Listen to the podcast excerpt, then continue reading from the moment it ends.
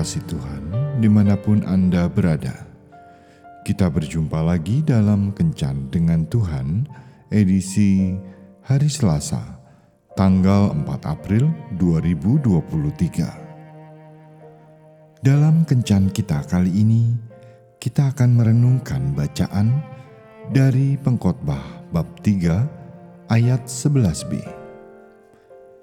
Ia membuat segala sesuatu indah pada waktunya. Bahkan ia memberikan kekekalan dalam hati mereka. Sahabat kencan dengan Tuhan yang terkasih, Leonardo da Vinci berasal dari keluarga broken home.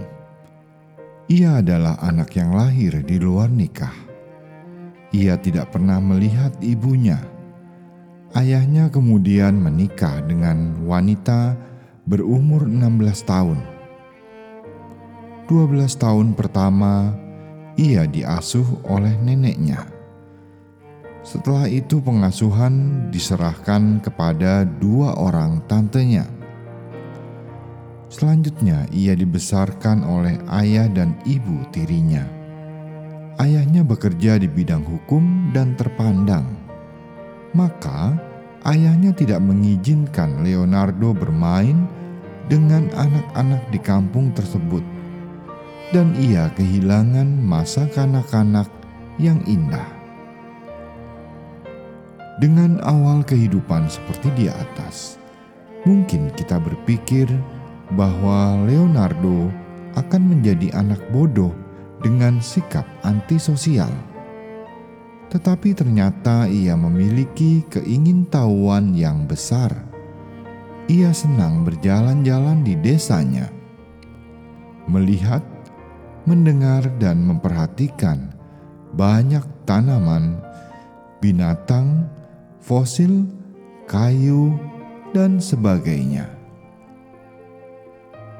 Hingga pada akhirnya ia dikenal sebagai seorang astronom terkemuka ahli geologi, insinyur, ahli botani, ahli anatomi, penulis terkenal, ilustrator, dan psikolog.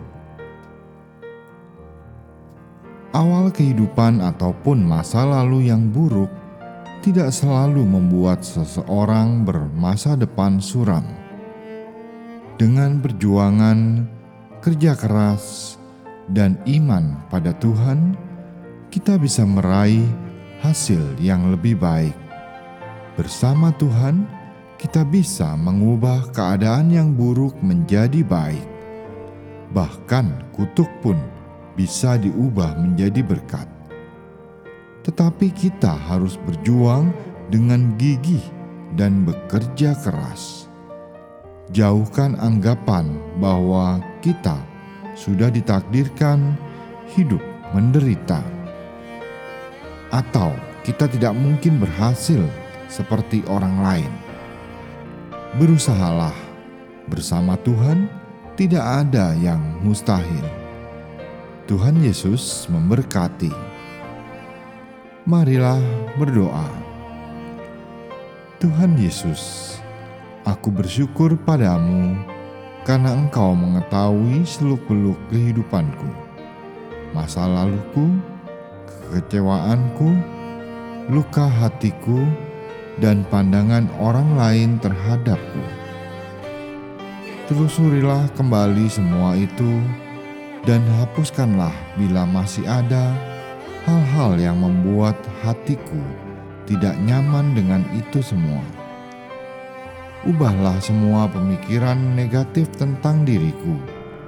Bantu aku untuk menatap ke depan bahwa bersama dengan Engkau, segala sesuatu yang buruk menurut pemandangan mataku dan orang lain dapat dan telah Kau ubah menjadi lebih baik. Jangan biarkan aku terjerat oleh pemikiran orang lain yang negatif tentang diriku, tetapi yakinkanlah aku bahwa aku ini berharga dan mulia di matamu. Amin.